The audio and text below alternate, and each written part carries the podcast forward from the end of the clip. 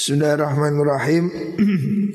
Idza tonat udhun ahadikum falyadh kurni wal yusalli alaihi wal yakul dzakarallahu man dzakarani bi khair. Idza tonat nalikane bengung berdengung ya. Kadang kan orang ini telinganya bengung ya, membengung. Bahasa Indonesia mendengung. Apa udhunu ahadikum kupinge salah suci sira kabeh. Kalau kupingmu terasa nging mengingingung. Nah, falyadhkurni falyadhkurni mongko becik eling sapa wong ahad ni ing ingsun. Hendaknya orang itu kalau telinganya bengung Ingatlah pada Rasulullah Sallallahu Alaihi Wasallam Wal yusalli lan becik moco solawat alaiya ingat ingsun. Maksudnya ingat Nabi kalau kamu telingamu berdengung bacalah solawat pada Rasulullah Sallallahu Alaihi Wasallam.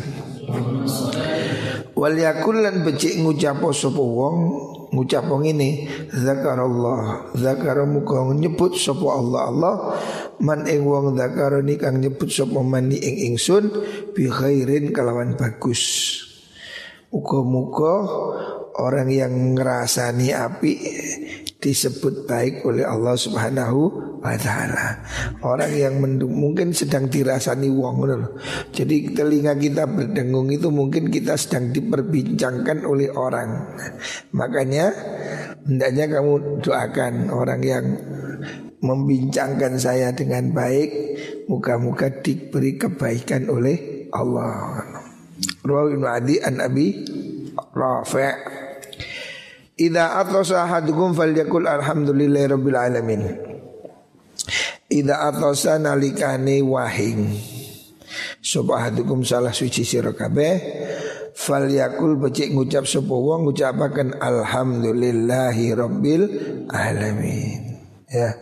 Kalau kamu bersin wahing ucapkan alhamdulillah Alhamdulillah Rabbil Alamin. Wal yakulan becik ngucap lahu maring ahad sopahu seduluri ahad Au sahibuhu to konjoni ahad. Kalau ada orang mengucapkan Alhamdulillah Ada orang bersin mengucap alhamdulillah hendaknya orang yang di sampingnya menjawab yarhamukallah. Mendoakan yarhamukallah. Yarhamu muka muka melasi ka ing sira sapa Allah Allah. Faida qala likani ngucap lahu maring sapa mengkono aku lahu maring ahad yarhamukallah. Kalau temanmu sudah mendoakan kamu yarhamukallah. Fal yakul monggo becik ngucap sapa ngucapaken yahdikumullah yahdi muka-muka nutuaken kum ing sira kabeh sapa Allah.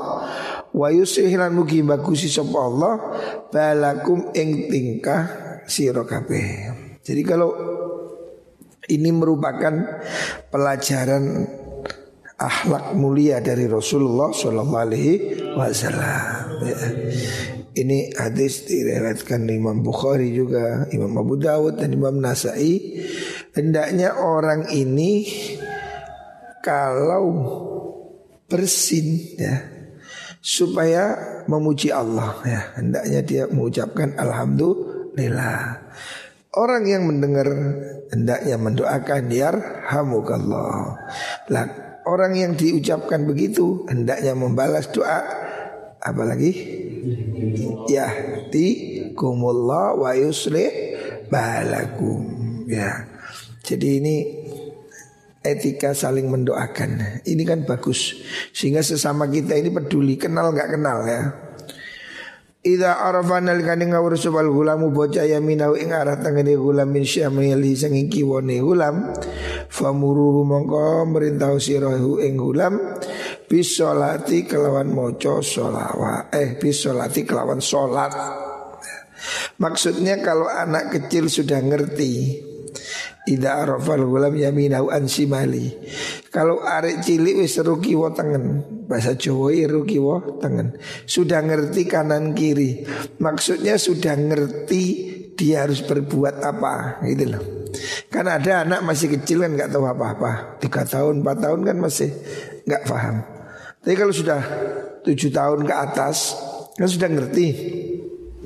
Kalau anak kecil sudah nggak ngompol, sudah bisa disuruh ya. Apabila anak ini sudah ngerti, namanya kalau dalam bahasa fikih tamyiz ya. Tamyiz itu sudah ngerti, oh ini roti, ini api kan. Eh, bayi kan gak roh. Kompor diude, enggak ngerti. Tapi kalau orang itu sudah sudah meneh ya. Tiga roti, mbak botol milih roti. Nah, berarti meneh. Orang yang sudah meneh, sudah makan minum sendiri, hendaknya disuruh bis sholat ajari sholat sejak kecil. Jadi anak kita umur 7 tahun, 8 tahun Walaupun belum balik Hendaknya sudah dibiasakan melakukan sholat ya. Begitu juga yang lain ya wudhu ya kalau masih tiga tahun, empat tahun kan formalitas, kak wudhu, kak popo, saya yang penting sholat. Nah, tapi kalau sudah tujuh tahun, delapan tahun, harus sudah diberi apa? pengertian sholat ini harus wudhu, wudhu harus begini ya. Bahkan menurut Rasulullah Shallallahu Alaihi Wasallam, kalau sudah besar ya harus sudah dipukul.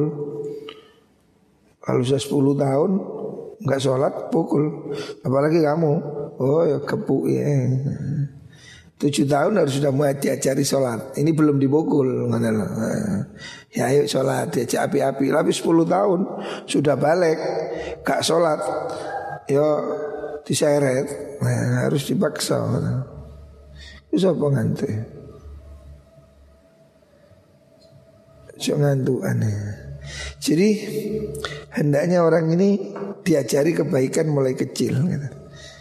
Tapi kalau sudah gede nggak mau ya dipaksa ya. ada pondok gak sembahyang taksir ya, kepuk nah, boleh. Karena apa? Demi kebaikan dia. Sama dengan begini kalau kamu bawanya ada anak tidur terus umpamanya ada kebakaran ada anak kecil tidur kamu bangunkan apa enggak Iya loh nanti kebakar. Dibangunkan nggak mau Seret. Mau oh, kebakaran Ya kan? Loh orang tua harus seperti itu. Anak nggak sholat ya, Gugah. Gugah gak gelem Diseret. Daripada kebakaran di neraka. Nah, Di dunia aja kalau ada kebakaran Semua kita seret. Apalagi neraka. Nah, Makanya Kalau pada batas tertentu Ya harus dipaksa gitu loh. Jangan demokrasi. Bukan demokrasi di bukan di situ. Sholat enggak is demokrasi. Oh ikut demokrasi banci. Nah, jangan begitu. Rawah Abu Daud Ida azamat nalikani ngagungaken sapa umati umat ingsun adunya ing dunyo. Kalau umat ini sudah kedunyan ya, mengagungkan harta ya. Nuziat mongko den cabut minha saking umat opo haibatul islami? Kemuliaan agama Islam. Haibah itu kehormatan ya. Kalau orang-orang ini sudah kedunyan ya. Materialis bahasa sekarang. Maka haibahnya Islam ini hilang. Ya sekarang ini kan sudah kelihatan. Wibawanya Islam ini kan habis Orang Islam di India dikepukin Orang Islam di mana? Myanmar. Dietet-etet orang Islam di mana itu? Yang Timur Tengah dihancur-hancurin. Nggak ada yang bela. Wibawanya nggak ada ya. Ini karena apa? Semua kedunian takut. Harusnya Saudi Arabia mana negara-negara yang kuat harusnya bela tapi kok semua diem ya karena semua takut nanti kalau saya bela saya diserang wis menengah wis golek selamat. Nah, semua orang cari selamatnya sendiri sendiri harusnya tidak boleh ya. Kata Rasulullah Shallallahu Alaihi Wasallam, orang mukmin itu masalul mukminina fi tawadihim wa tarahumihim mithl jasad. Orang mukmin ini harusnya saling mengasihi seperti satu tubuh. Kalau kamu tubuhmu kakimu sakit, seluruh badan ikut sakit ya. Idza staka min du'udun wahidun tada alahu sairul jasadi bisahri wal huma. Kalau satu anggota tubuh sakit, seluruh tubuh ikut meriang ya. Gigimu sakit, tubuhmu menggigil. Harusnya umat Islam seperti itu ya. Umat Islam harus ada solidaritas. Sekarang kan tidak semua kata apa kata Trump, Donald Trump, Israel. Bagaimana Palestina? Dijajah, digusur, diusir, wah terjadi pembunuhan, perampokan, nggak ada yang mau bela ya. Karena semuanya sibuk ngurusi dirinya sendiri. Ini yang sedih ya. Seperti kejadian terakhir di India ada persekusi umat Islam di ini. Negara Islam yang lain diem, tidak berani, takut ya. Sebab semuanya sudah mikir kerugian dirinya, mikir ekonominya sendiri sendiri. Ya inilah, ini kelebihan dan kekurangannya sistem negara hari ini. Tidak ada sistem yang bisa melindungi semua orang Islam. Ya. Harusnya tapi bagaimanapun peduli ya. Kita kalau tidak bisa membantu ya minimal me, apa menyuarakan atau seperti apa. Jangan ada yang rela pada penderitaan saudara sendiri ya. Supaya Islam ini wibawa gitu loh. Kalau nggak begini ya nggak wibawa ya. Itu yang terjadi pada zaman dulu ya. Pada zaman Khalifah Abu Bakar, Umar, Utsman mereka kan kuat sekali karena ada rasa solidaritas. Cerita orang Yahudi dulu diusir dari Medina. Zaman dahulu di Medina itu ada orang Yahudi, ada empat kelompok. Nabi Muhammad SAW ketika masuk Medina di Medina sudah ada orang Yahudi. Salah satunya Yahudi kaya waktu itu grup pengusaha namanya Yahudi Banu Kainuqa. Itu grupnya Yahudi konglomerat. Kornya Yahudi pedagang emas ya. Hingga suatu saat Ada seorang perempuan muslimah Yang berdagang di pasar Yahudi itu Ditelanjangi. Oh, zaman dahulu kan belum ada baju yang berukut Mungkin baju masih cuma dilipat-lipat Ada wanita jongkok bajunya diikat. Ketika bangun ya brudul brung ya zaman dulu kan belum ada BH belum ada celdam. Waktu itu kok bajunya dibatak ya langsung full color. Nah, wanita dahulu itu begitu. Akhirnya wanita ini menangis. Wanita ini menjerit apa Wanita zaman dahulu itu kalau telanjang nangis. Saya kan tambah guyu. Nah, Saya orang itu tambah ketok tambah seneng Seksi ya you can see kelek. Cuman dahulu wanita di telanjang ini nangis. Akhirnya ada orang muslim yang tahu marah diterkam itu yang menggoda itu dibunuh dan dia juga dibunuh oleh Yahudi terjadi perkelahian saling bunuh. Rasulullah Shallallahu Alaihi Wasallam marah besar kanjeng Nabi merasa terganggu sangat terusik dengan pelecehan itu. Makanya kemudian Nabi mengirim utusan mereka harus diusir dari Medina atau kita perang habis-habisan. Jadi orang Yahudi itu minta ampun tidak diampuni. Nabi sudah marah. Mereka harus keluar dari Medina atau kita perang habis. Jadi Nabi sudah menyiapkan pasukan. Karena Nabi merasa dilecehkan, itu pelecehan. Muslimat ditelanjang di pasar itu Nabi nggak terima. Mereka sudah minta ampun, ampun, ampun. Tokoh-tokohnya datang minta damai, Nabi nggak mau. Nabi sudah merasa ini sudah pelecehan. Makanya kemudian mereka dikasih ultimatum keluar dari Medina atau perang. Akhirnya mereka takut keluar dari Medina. Hingga saat ini orang Yahudi kan tidak ada di Medina. Jadi dulu itu cerita mereka diusir itu karena mereka jahil, apa, jarak. Nah, kemudian Nabi sendiri hidup di Medina damai aslinya. Cuma karena mereka kurang asem, ya harus dikasih pelajaran. Ya, makanya mereka diusir dari Medina sehingga hari ini tidak ada. Dulu zaman Nabi itu ada orang Yahudi di Medina itu ada, orang musyrik juga ada. Ya. Jadi Medina waktu Nabi datang itu sudah menjadi kota jadi ya, sudah kota yang madani, kota yang sudah kota jadi ya dari berbagai suku termasuk Yahudi ya. Nah, tapi karena mereka ya kayak begitu ya, akhirnya mereka diusir dari Madinah. Mana tadi?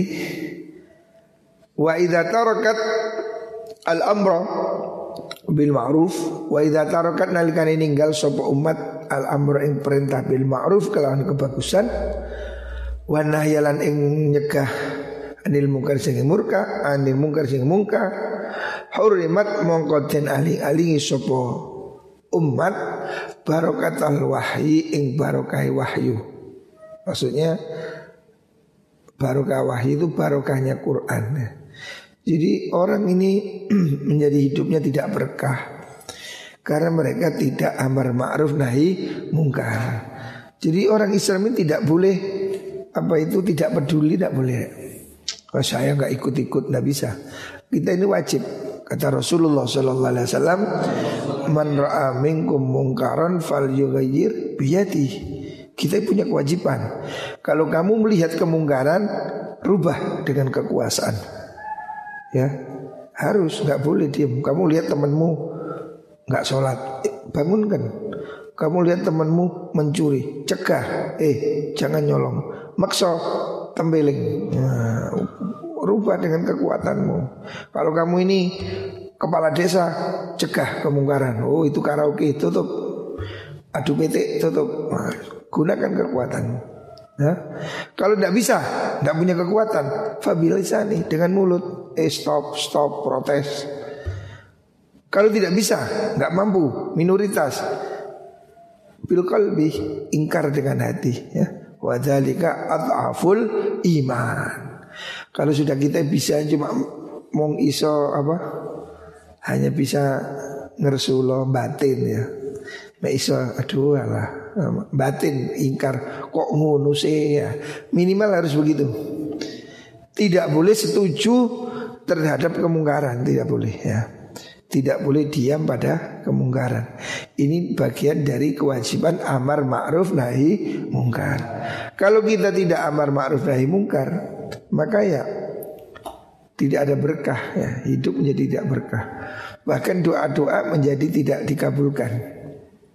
Pada zaman dahulu ada riwayat terjadi apa itu satu musibah orang berdoa kalau sekarang istilahnya doa bersama istighosa gak mandi-mandi gak tembus-tembus Akhirnya ada ulama mengatakan kita ini doa tidak terjawab Karena apa? Karena kita tidak melaksanakan amar ma'ruf nahi mungkar Jadi salah satu penyebab doa tidak dijawab itu karena banyak kemungkaran dan semua diam. Nah, makanya hari ini musibah ini ya kita berdoa dan harus usaha mencegah kemungkaran-kemungkaran ya. Karaoke-karaoke tutup, warnet-warnet tutup, apalagi ya maksiat-maksiat supaya dihentikan. Itu salah satu cara untuk mendatangkan pertolongan Gusti Allah. Coba masjid tok ditutup. Masjid tutup. Kafe buka wah iki kalau tutup tutupan kafe. Tapi kalau memang tidak berbahaya ya jangan ditutup. Ya kayak pondok ini kan bisa ditutup deh. Ayo kak sembahyang ada ya tempat-tempat yang masih bisa dikendalikan seperti pondok ya ini harus tetap jalan ya masjid-masjid pun saya kira kalau masih bisa dibatasi dengan apa ini protokol kesehatan istilahnya harusnya tetap jangan ditutup ya. Dari masjid tutup saulan loh ya apa? Yang benar itu dibatasi, ya itu bagus ya, batasi. Membawanya masjid ini kapasitas seribu diisi 500 nah, sudah social distancing. Nah, tapi ditutup plek, sholat sendiri di rumah, ya jarang sholat sing akeh ya nonton TV. Makanya masjid-masjid ini jangan sampai kosong. Walaupun dia mungkin harus diperiksa atau dibatasi ya. Itu salah satu cara supaya apa? Masih ada orang yang memohon ya, berdoa ya. Kita berharap Semoga musibah ini segera selesai. Rawah Abu Dawud. Pundi rawah Tirmidzi.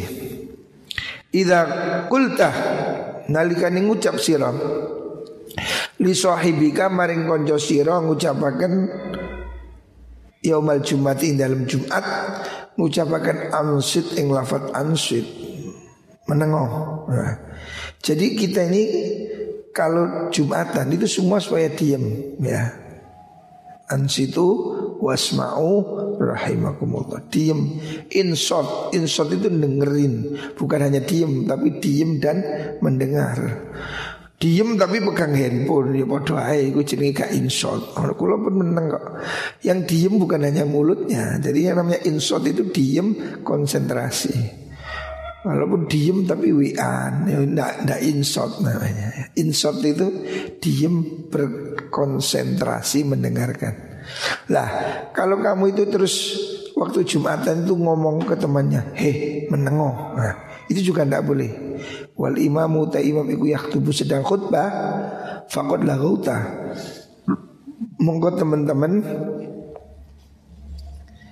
nganggur siro. Lago itu Lagoyal hulaguan itu. Maksudnya nganggur itu artinya tidak bagus atau tarkul adabnya lagu atau lagu itu bisa berarti ucapan yang tidak perlu gitu. fudulul kalam ya. artinya begini maksudnya. Orang itu diem itu mulai dari dirimu sendiri gitu loh. Nah sekarang ada jumatan temenmu rame kabeh heh menengo sithik ngono heh menengo akhirnya sak masjid rame Kabeh besar ke sana tambah tambah ribet. Nah, gimana caranya? Cara yang benar itu kamu diem. Kalau ada temennya ngomong, cukup isyarat. Hmm, atau begini ya. Jangan ada temennya rame dijunduh menengok. Sekolah balas pisan. Loh, cangkemku dhewe kok. Wah ya gelut ya. Jadi jangan memancing keributan gitu loh. Gimana caranya? Kalau sedang Jumatan ada orang rame, cukup diberi syarat. Ojo, eh, eh, itu duduk, eh, eh, eh, orang tambah rame, ribut. Mulai dari dirimu sendiri kamu diem. Kok ada temannya rame, kasih kode. Kode ini saya gak paham. Nah, kode. Si kode jangan dengan suara supaya apa? Supaya tidak ribut. Gitu Rawahul Bukhari. Ini hadis riwayat Imam Bukhari. Idza qala al-abdu Idza qala nalikani dawu sopal abdu kawula ya Rabb ya Rabbi Ya Rabbi duh kau pangeran kula. Ya Rabb duh pangeran kula. Qala mongko dawuh sapa Allah? Labbaika abdi labbaika ya nyembadani ingsun. Aku mendengar aku me, apa menyambutmu abdi wae hambaku. Sal jalu osiro mintalah. Tuh toh mongko den paringi sapa sira. Jadi Allah itu maha pemurah. Kalau ada orang merintih ya Rabbi. Wahai Tuhan, wahai Tuhan. Allah itu sudah mendengar. Ya kamu minta apa? Oh Teman kamu nggak tahu. Tapi sebetulnya Allah itu Kalau dipanggil ya Rabbi ya Rabbi Itu Allah sudah siaga. Makanya hadis ini menurut sebagian ulama uh, Labbaika abdi itu maksudnya Allah itu menjawab doamu ya Artinya labbaika ya saya mendengar ya. Saya menyambutmu ya. Hendaknya kamu berdoa itu dengan adab seperti itu. Memohon ya Rob ya Rob ya. Maka Allah akan segera menjawab doamu ya. Sebagian ulama ya mengatakan dari zahirnya hadis ini ya Rabbi termasuk ismul a'zam itu ar-rabbu Kan Allah itu mempunyai asmaul husna ya. 99 Di situ salah satunya terdapat Ismullahil A'zam. Ismul Azam itu yang mana? Ulama berbeda pendapat. Salah satunya bagian dari Ismul Azam itu adalah Ar-Rabbu. Makanya kalau kita berdoa Berdoalah Ya Allah, Ya Allah, Ya Rabb, Ya Rabb gitu. Karena Rabb ya panggilan Ya Rabb itu Rabbi Rabbana itu bagian dari Ismullahil A'zam. Di mana kata Rasulullah Shallallahu Alaihi Wasallam Ismullahil A'zam itu nama Allah yang agung itu siapa orang mendoa memanggil Allah dengan Ismullahil A'zam maka pasti dikabulkan oleh Allah. Nah, makanya lah Ismul Azam itu yang mana? Ada beberapa pendapat. Salah satunya ya Ya Allah, Ya Rabb itu. Ya Rabb, Ya Rabbana, Ya Rabbana. Makanya berbanyak berdoa begitu. Ya Allah, Ya Allah, Ya Rabbi, Ya Rabb, Ya Rabb gitu. Ya Allah, Ya Tuhanku. Nah, gitu. Ya Rabbi. Ini bagian dari Ismullahil A'zam ya. Makanya doa doa-doa itu biasanya begitu seperti hizib itu kan ya Rabbana ya Rabbana ya Rabbana nah gitu. Memakai kata Rabb karena Rabb itu bagian dari Ismullahil A'zam. Idza qamal abdu idza qama nal jumeneng sobal abdu kaula fi sholati dalam sholati abad kalau orang itu berdiri sholat Zurra mongko den wur-wuraken disiramkan ditaburkan opo albiru kebagusan ala roksihi ing atase sirai abad.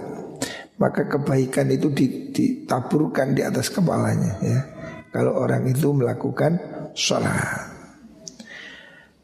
Hatta yarka sehingga ruku abad sampai dia ruku. Fal maka ini Faidha rokanal kane ruku abad alat hu mongko ngungkuli maksudnya me, menutupi hu ing wong apa rahmatullah rahmati Allah hatta yasjuda sehingga sujud sampai dia sujud. Allah itu turunkan rahmatnya penuh sampai dia sujud. Wasajidu tay wong kang sujud kalau sudah posisi sujud iku yasjudu sujud sapa sajid ala qadamayillahi taala ing atase ngersane Allah taala Kodam itu asalnya delamaan di, di bersimpuh di depan kakinya. Nah, Ibarat tapi bukan berarti Allah itu punya kaki seperti sikilmu Bukan. Artinya ya bersimpuh di bawah naungan apa itu haribaan Allah. Falias al moga becik jalu oh sepahat Ketika itu mintalah ya. Jadi waktu sujud itu jalu oh Mintalah. Wal yargham wal yarghab lan becik demen sapa wong. Jadi kamu hendaknya pada posisi sujud ini kamu melakukan munajat ya. Munajat. Kalau sedang orang sholat itu sedang munajat pada Allah berdiri, ruku, sujudlah. Ketika sujud itu hendaknya orang itu melakukan tadarruk ya. Sujud itu kan posisi yang paling rendah. Di situ kamu mohonlah pada Allah, ya Allah. Hmm. Dungo Dungo apa ya oleh rek?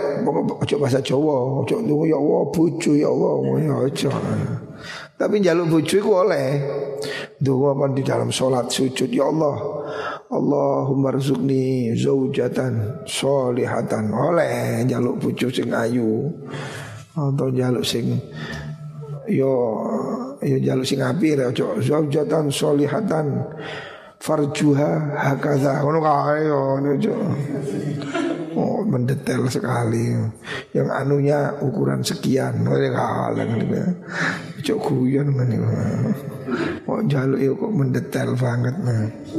Gua ada wedok yang menuntung Ya Allah buci bucu Sing dhuwur nah, Sing anu nah, Yes jaluk bucu sing api kan loh Terserah Gusti Allah boleh rek doa dalam sholat itu kamu minta apa boleh minta rezeki, minta jodoh, minta apa dalam sujudmu itu. Tapi ya ojo bahasa Indonesia rek. Koncomu kudu guyu. Sujud kon sujud. Ya Allah berilah saya uang. Koncomu loh Aku mikir kabeh. Boleh doa apa saja dalam sholat itu boleh. Ya Allah merzukna mercy. Wah, ya, ya Allah berilah saya istri ya, di hatinya. Tidak masalah ya. Kamu mintalah pada Allah waktu sujud. Posisi terdekat antara hamba dengan Allah ya. Akrabu ma yakunu bainal abdi wa rabbih wa sajidun. Posisi terdekat hamba dengan Allah itu ya waktu sujud itu. Makanya hendaknya waktu sujud ini kamu berdoa sing serius ya. Jalu oh.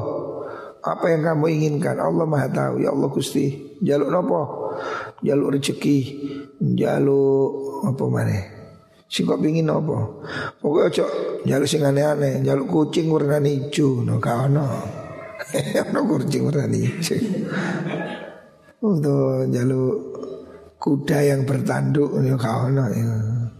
tapi mintalah apa pun kamu pasti diberi ya Allah pasti memberi. Jadi kamu harus percaya kekuatan doa. Doa ini energi luar biasa. Jangan kecil hati deh. Walaupun mungkin hari ini belum bisa, tapi suatu saat ya ada waktunya ya. Allah akan memberi ya. Jaluk opo ya. Mintalah waktu sujud itu. Jadi kamu tahajud, sujud, berdoalah, ya Allah Jaluk nopo sampean? Jaluk oh. Gusti Allah itu Rabbun Karim, Tuhan yang Maha Pemurah. Kalau cuma kamu minta dunia itu terlalu enteng. Kata Rasulullah Sallallahu Alaihi Wasallam, seandainya dunia ini ada apa? Ada nilainya bagi Allah, ya. Tentu orang kafir itu tidak dikasih makan oleh Allah. Karena Allah itu bagi Allah itu tidak ada artinya. Makanya orang kafir, orang musyrik dikasih rezeki oleh Allah. Karena apa? Tidak ada artinya bagi Allah. Bahkan satu hadis mengatakan tidak ada nilainya sebagaikan sayapnya nyamuk. Kamu tahu nyamuk? Kan tiga nyamuk. Enggak, enggak ada gunanya tuh nyamuk Kalau kamu dimintai sayapnya nyamuk, ya kan ya sesuatu yang nemen gak nemen tidak apa? nemen tidak berharganya. Artinya sesuatu yang kamu tidak eman sama sekali gitu Jadi dunia ini bagi Allah itu tidak setimbang dengan sayapnya nyamuk itu. Jadi kalau kamu minta, mintalah pada Allah. Pasti diberi ya, pasti diberi. Ini sergap, dungo ya. Kalau Allah memberi tidak sulit ya. Saya ada teman itu dulu orang miskin, sekarang kaya, banyak. Haji Arum, wah Jember itu orang miskin didoakan terus oleh ibunya. Dia itu kalau mau bekerja minta dilangkai oleh ibunya. Jadi dia bentang di tanah minta dilangkai ibunya. Oh doa ibu hari ini oh, sukses kaya raya ya banyak sekali ya. Jadi minta pada Allah doa orang tua itu luar biasa ya. Makanya kamu ojo cilik hati ya. Walaupun sekarang miskin, siapa tahu besok kaya. Ya. Rawahu Sa'id bin Mansur. Idza qara'a nalikane maca sapa abdu kau sapa ibnu Adam anak Adam. As-sajdata ing surat sajdah ayat sajdah ya. Ayat sajdah tahu kamu? Ya dalam Al-Quran ada beberapa ayat sajdah itu ya Surat sajdah juga ada Siapa orang mendengar ayat itu kemudian fasa jada sujud ya. Sapa wong Iktazala Mongko nyingkiri sopa setan setan Ya beki hali nangis. Jadi kalau di Al-Quran itu Ada ayat wasjud waktarib Atau dalam surat sajdah apa? Bunyinya. Apa? Surat sajdah dalam ayat ayat sajdah dalam surat sajdah Bagaimana bunyinya? Tata Jafa junubuhum adil madaji Ya'atuna rabbahum apa? Ayat sajdah dalam surat sajdah. Siapa orang ketika ayat sajdah terus sujud maka setan lari terbirit-birit ya. Jadi itu sunnah. Hukumnya ketika dengar ayat sajdah orang supaya sujud. Cuma orang ini jarang praktek. Saya lihat yang praktek ini di Mekah, di Medina. Kalau subuh hari Jumat itu mesti imamnya baca surat sajdah. Mungkin di sini perlu dipraktekkan nanti sama Pak Umam. Jadi di Masjidil Haram di Mekah di Medina ini imamnya kalau hari Jumat sholat subuh itu mesti baca surat sajdah. Memang sunnah itu. Lah ketika dibacakan ayat sajdah imamnya langsung sujud Tidak pakai ruku itu sujud Maksudnya memang sujud untuk sajdah Tapi banyak orang yang gak paham Mistak tidak ini mesti Begitu imamnya sujud Makmumnya kising ruku Ruku terus tolak toleh lu Kok liani sujud Melah sujud Ono sing bertahan Ruku eh bancet ya, Saking gak ngerti nih Dia tidak tahu kalau itu ayat sajdah. Jadi begitu kita berdiri, imamnya baca ayat sajdah, langsung sujud, ya. Terus bangun lagi, meneruskan ayat, baru ruku, ya. Itu namanya sajdah. Kalau dalam waktu sholat langsung sujud. Atau tidak waktu sholat begini, kamu baca Quran sajdah, langsung sujud lah, ya. Itu mengikuti perintah itu lah. Wa yakhiruna lil itu langsung sujud, ya. Lah siapa sujud itu? Atas bacaan sajdah dalam Al-Quran Setan kalau melihat orang itu lari dia, nyingkrih ya. Ya beki hali nangis Setannya itu lari sambil menangis. Ya kulu ngucap sopo setan? Ya wailah Aduh kerusakan yang suduh celakalah saya Umira dan perintah sopo ibnu Adam Anak Adam bisujud di kelawan sujud Fasa jada mongko sujud sopo ibnu Adam falahu kedai gua al jannatu te suwargo. Ya. Anak Adam ini saya suruh disuruh sujud langsung sujud. Wah dia masuk surga. Wa umir tulan dari perintah ingsun bisujudi kelawan sujud Fa itu mongko duroko ingsun Sementara saya ini dulu disuruh sujud bandel Fa alayya maka saya terkena ancaman alayya ing seingsun An-naru dan neraka Maka saya ini terancam masuk neraka ya. Jadi setan ini menyesal Gak sujud itu Makanya kita Pumpung ada waktu ya Rajinlah sujud Rajinlah sholat ya Jangan sampai kita nyesel ya. Wis mati kepingin sujud Juga ya iso ya. Rawahu muslim an Abi Hurairah Allahumma sallam Muhammad Ida ukimat Yusi ngantuk iku kan narik ngantuk ane. Eh, ida ukimat nalikane den jumenengaken den komati opo asolatu solat. Kalau ada komat ya, maksudnya panggilan komat untuk solat itu ida ukimat as-solat. Fala tuha mongko ojo nekani sira ha ing solat wa antum hale utai sira kabeh ikutas auna melayu sirokabe. Jadi kalau kamu datang jemaah itu jangan lari-lari ya. Makanya usahakan datang lebih awal ya.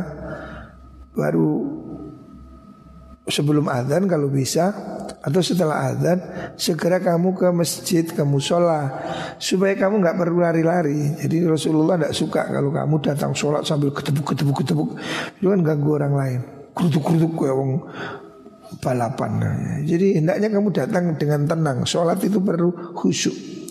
Waktu ha lan nekanono sapa wong ha ing salat wa nekanono sirah ing salat wa antum halute sira kabeh iku tamsuna lumaku sira kabeh hendaknya kamu datang dengan tenang salat itu jangan lari-lari ya wa alaikum lan iku natepono sira kabeh as-sakinata as-sakinatu alaikum lan as-sakinata ing antang Hendaknya kamu sholat itu dengan posisi yang santai, tenang. Makanya berangkat lebih awal ya.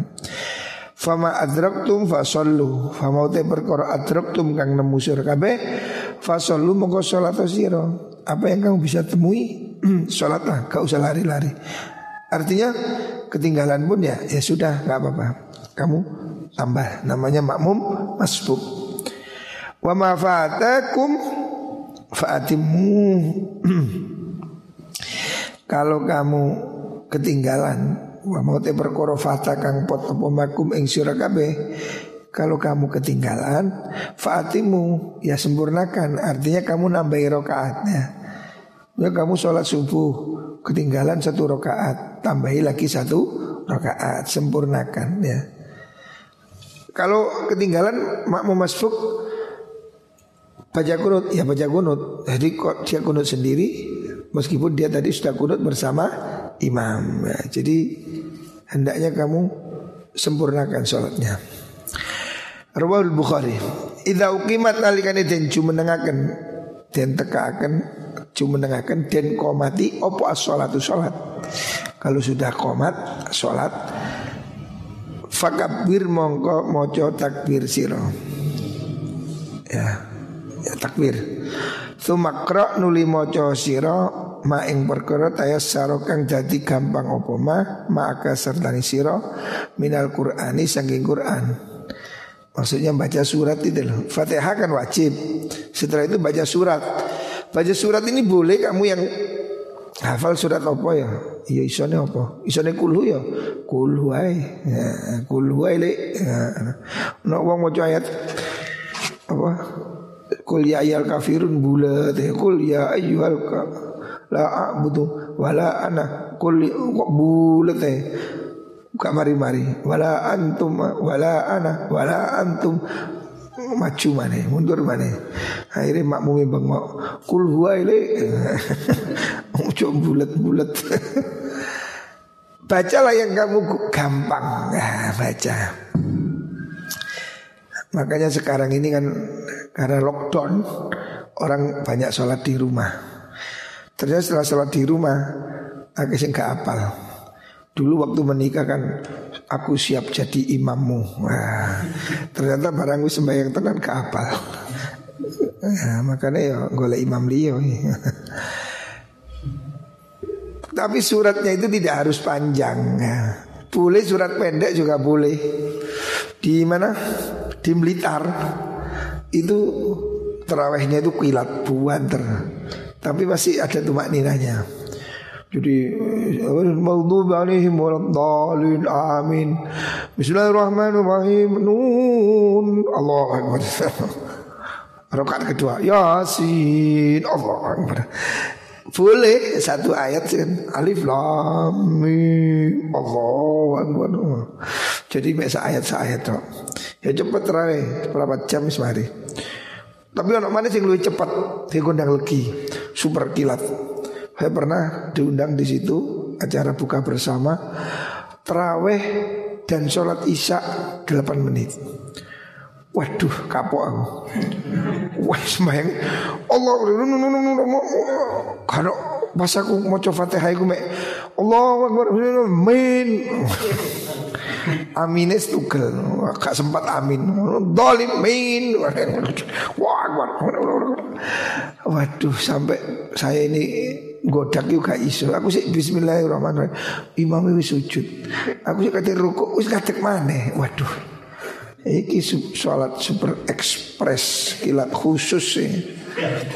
Rame tapi jamaahnya banyak sampai dijaga polisi. Kemudian uang kabeh jaluk cepat.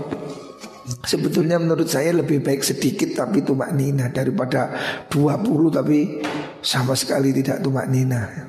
Lebih baik ya terawih 8 tapi antang khusyuk. Daripada 20 tapi menurut saya itu nggak cuma 15 Allah Akbar.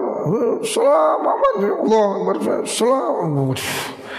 Wulung menit mulai isak sampai terawih.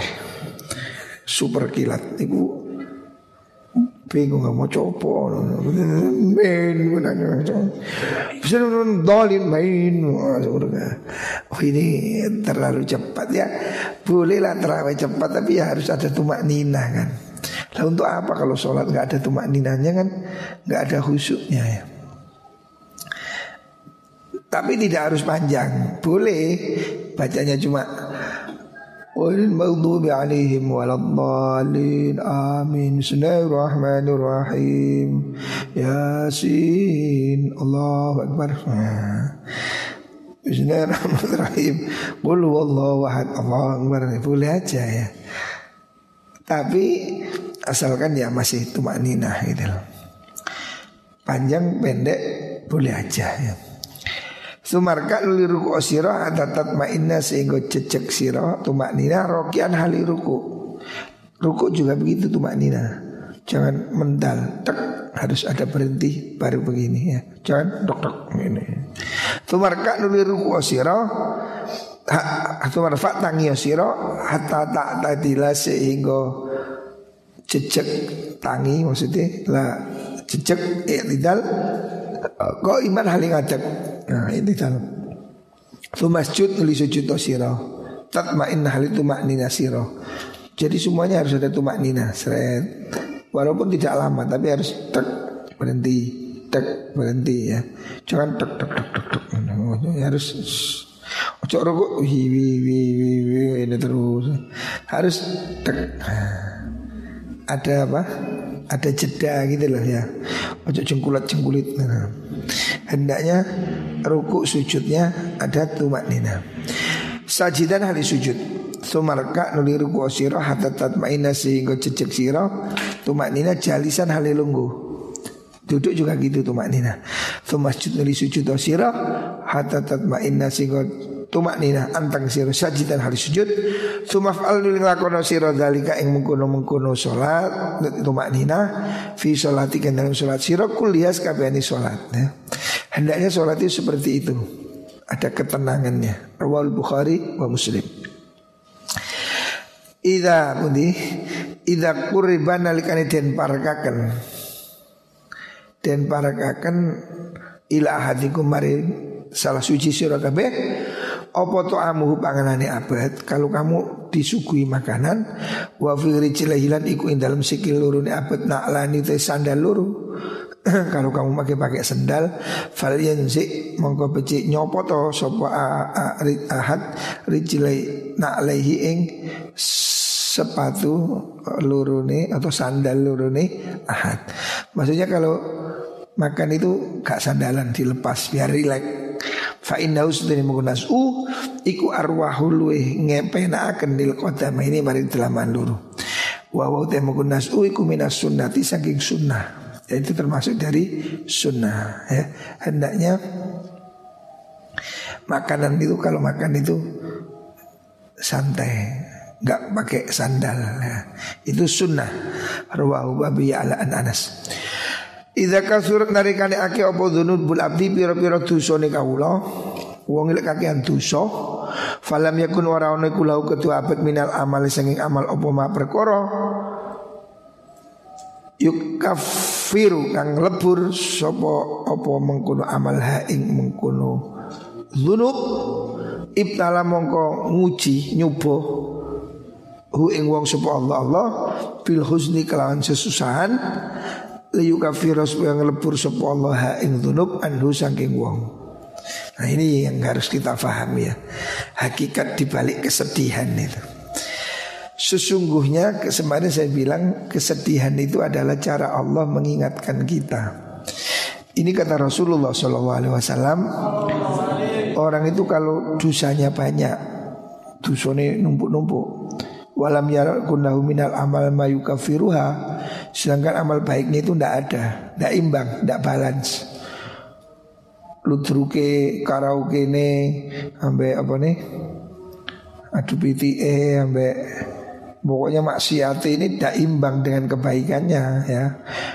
Dosanya lebih banyak daripada amalnya Maka oleh Allah Dia akan diberi cobaan ya. Ibtalahullah bil huzni Dia akan diberi kesusahan. Ada aja problem. Moro-moro tabrak sepeda Kepancal PT Menang-menang kok pancal PT Atau cakar kucing. Pokoknya kamu Oleh Allah akan diberi sesuatu yang membuat kamu menjadi sok kaget Susah. Tujuannya apa? Liyukafirahan Supaya Allah melebur dosa-dosa dia. Karena orang ini kalau susah Kan mesti mohon lah. Awakmu iku lek susah mesti kan malah eling ya Allah tusyukur ya Allah astagfirullah nah gitu. Nah, tujuannya itu memang Allah memberi cobaan kita ini salah satunya ya karena kita banyak dosa ya. Makanya orang mukmin ini harus selalu introspeksi. Hendaknya kita ini selalu mawas diri. Kalau ada kesusahan, kalau ada problem, ada musibah, ada sakit, itu sebetulnya cara Allah menyayangi kita. Karena dosa kita ini terlalu banyak. Eh. Sehingga oleh Allah diberi musibah supaya kita bertaubat, supaya kita mendekat lagi ya. Lah kalau orang memahami ini, memahami seni di balik kesedihan itu, maka dia tidak sedih. Jadi kata Imam Athaillah al-man'u ainul atha. Tidak diberi itu sesungguhnya pemberian. Nah, supaya kamu itu ringan kalau ada musibah ya. Seperti hari ini loh contoh ada corona ini semua orang kan ngeluh sedih kan. Nggak boleh pergi. Ada namanya apa? PS Bibi ya nggak boleh pergi. Sekarang ini kamu pergi Surabaya cegat di Lawang nggak boleh. Kamu mau ke Blitar cegat. Sekarang ini semua kota dicegat. Kamu mau ke Lumajang cegat Kalau siang, kalau malam enggak mungkin. Jadi sekarang ini banyak cegatan di mana-mana. Orang nggak boleh pergi. Ya, orang ya sedih kan, ekonomi juga jadi sulit, kerja nggak bebas. Tapi sesungguhnya kalau dia mau menghayati ya kita introspeksi, ya mungkin kita banyak dosa. Makanya kita buat masa karantina ini untuk banyak bertaubat, beristighfar ya. Ini mungkin cara Allah mengingatkan kita, ya bangsa kita semua supaya kita ini menyadari mungkin terlalu banyak dosa yang sudah kita lakukan. Karena sesungguhnya musibah itu adalah cara Allah memanggil ya. Makanya ulama dahulu itu kalau ada masalah itu nggak nyalahkan orang ya. Nyalahkan dirinya, apa dosa saya? Kok hari ini ada masalah? Sandalnya pedot, apa dosa saya? Kok sandal jepit pedot? Nah, jadi tidak perlu memaki-maki orang lain. Jadi kalau kamu disalahi orang pun introspeksi. Kenapa ya? Dia itu kok jelek kepada saya. Dosa apa saya ini? Nah, jadi kamu mengintrospeksi selalu dirimu sendiri. Kalau ada musibah, ada masalah. Karena kata Rasulullah Sallallahu Alaihi Wasallam, Orang itu kalau sudah kadung banyak dosa dan tidak imbang dengan kebaikannya, memang oleh Allah akan diberi cobaan. Makanya kita ini beristighfar ya Allah Ampuni saya dari dosa-dosa Yang membuat kita rezeki susah. Ampuni saya dari dosa-dosa yang membuat apa? Kita sulit berbuat baik. Ya. Ini salah satu sebabnya adalah dosa kita ya Memang sengaja oleh Allah diberi musibah itu supaya Allah lebur dosanya. Tapi kalau orang yang non mukmin, non muslim, mungkin malah dibiarin oleh Allah. Kan itu si Anu bintang film panas itu kok tambah suki, kok tambah montok ini. Ya kamu jangan iri. Kenapa? Karena Allah itu kalau sudah nggak peduli ya dibiarin oleh Allah. Seperti wow dilulu, dilulu itu memang dibiarin karena dia tidak disuka. Suka disopo jarno skarp Tapi kalau kita ini masih disayang ya itu diingetin. Makanya sesungguhnya diingetin itu karena kita disayang ya. Jangan salah paham. Kalau kamu diingetin oleh orang tuamu Kalau kamu ditegur oleh gurumu Jangan kamu sakit hati ya. Itu cara dia menyayangi kamu kalau tidak, kamu tidak ditegur, ya kamu semakin salah, semakin jelek. Makanya guru itu kadang marahi kamu, menegur kamu, gak perlu dijewer, supaya kamu menjadi baik. Seperti itulah Allah Subhanahu wa Ta'ala. Kita ini kadang dijewer dengan sakit, dengan musibah, dengan apalah Supaya kita ini eling Hei karena kok gak tahu nang langgar Cewer Sikile pelicuk Akhirnya ya Allah kita berdoa. Ya kadang-kadang ya gak jarak Ini sikilku kebentuk ih jatuh ya Jual. Ya ini ya saya menyadari ya Ya inilah Allah mengingatkan saya. Supaya saya ini bertobat, beristighfar begitu. Ojo terus nyalano, sapa sing nyelek watu ya. Itu tuh salah watu. Ya jenis takdir tapi watu kan cuma caranya aja. Memang Allah sedang mengingatkan sikilku cek gak nandindi. Ya wes saya gak nandindi wes tuh meneng ae. Karena apa? Jadi cara Allah mengingatkan ya. Kalau kita menyadari itu maka kita tidak punya sakit hati pada siapa pun. Nah. Kalau ada orang kok jadi jelek ya Mungkin Allah kehendaki dia untuk ngingetin saya Supaya saya jadi baik gitu loh. Jadi kita tidak ada kebencian sama orang ya. Jangan benci siapa pun ya. Jangan mendendam. Hidupmu akan tenang kalau kamu tidak punya den dendam. Makanya gak usah dendam. Jangan buang waktu untuk mikir orang yang tidak kamu senangi Ya wis gak cocok ya wis lalek ngono. Aja dipikir kok anu ya iki. Iku kok anu ya biasa rek wedok. Kok anu ya kok gak mesem ya. Kok kok anu. Lah apa kok pikir gak mesem ya mungkin loro untung. Nah ya wis. Kono aku kok ketemu aku gak nyopo ya dipikir. Aja dipikir ya mungkin dia emang kebelet ngising selak kesusu. Nah wis. Hah? Ojo kabeh dibatin. Kenapa ya gitu? Kok begitu ya? Introspeksilah ke dalam diri sendiri. Oh, saya ini mungkin banyak salah. Oh, saya ini banyak dosa ya. Itulah cara Allah menyayangi kita ya. Muka-muka Allah mengampuni dosa-dosa kita. Ramadan ini semoga menjadi pelebur dosa-dosa kita semua.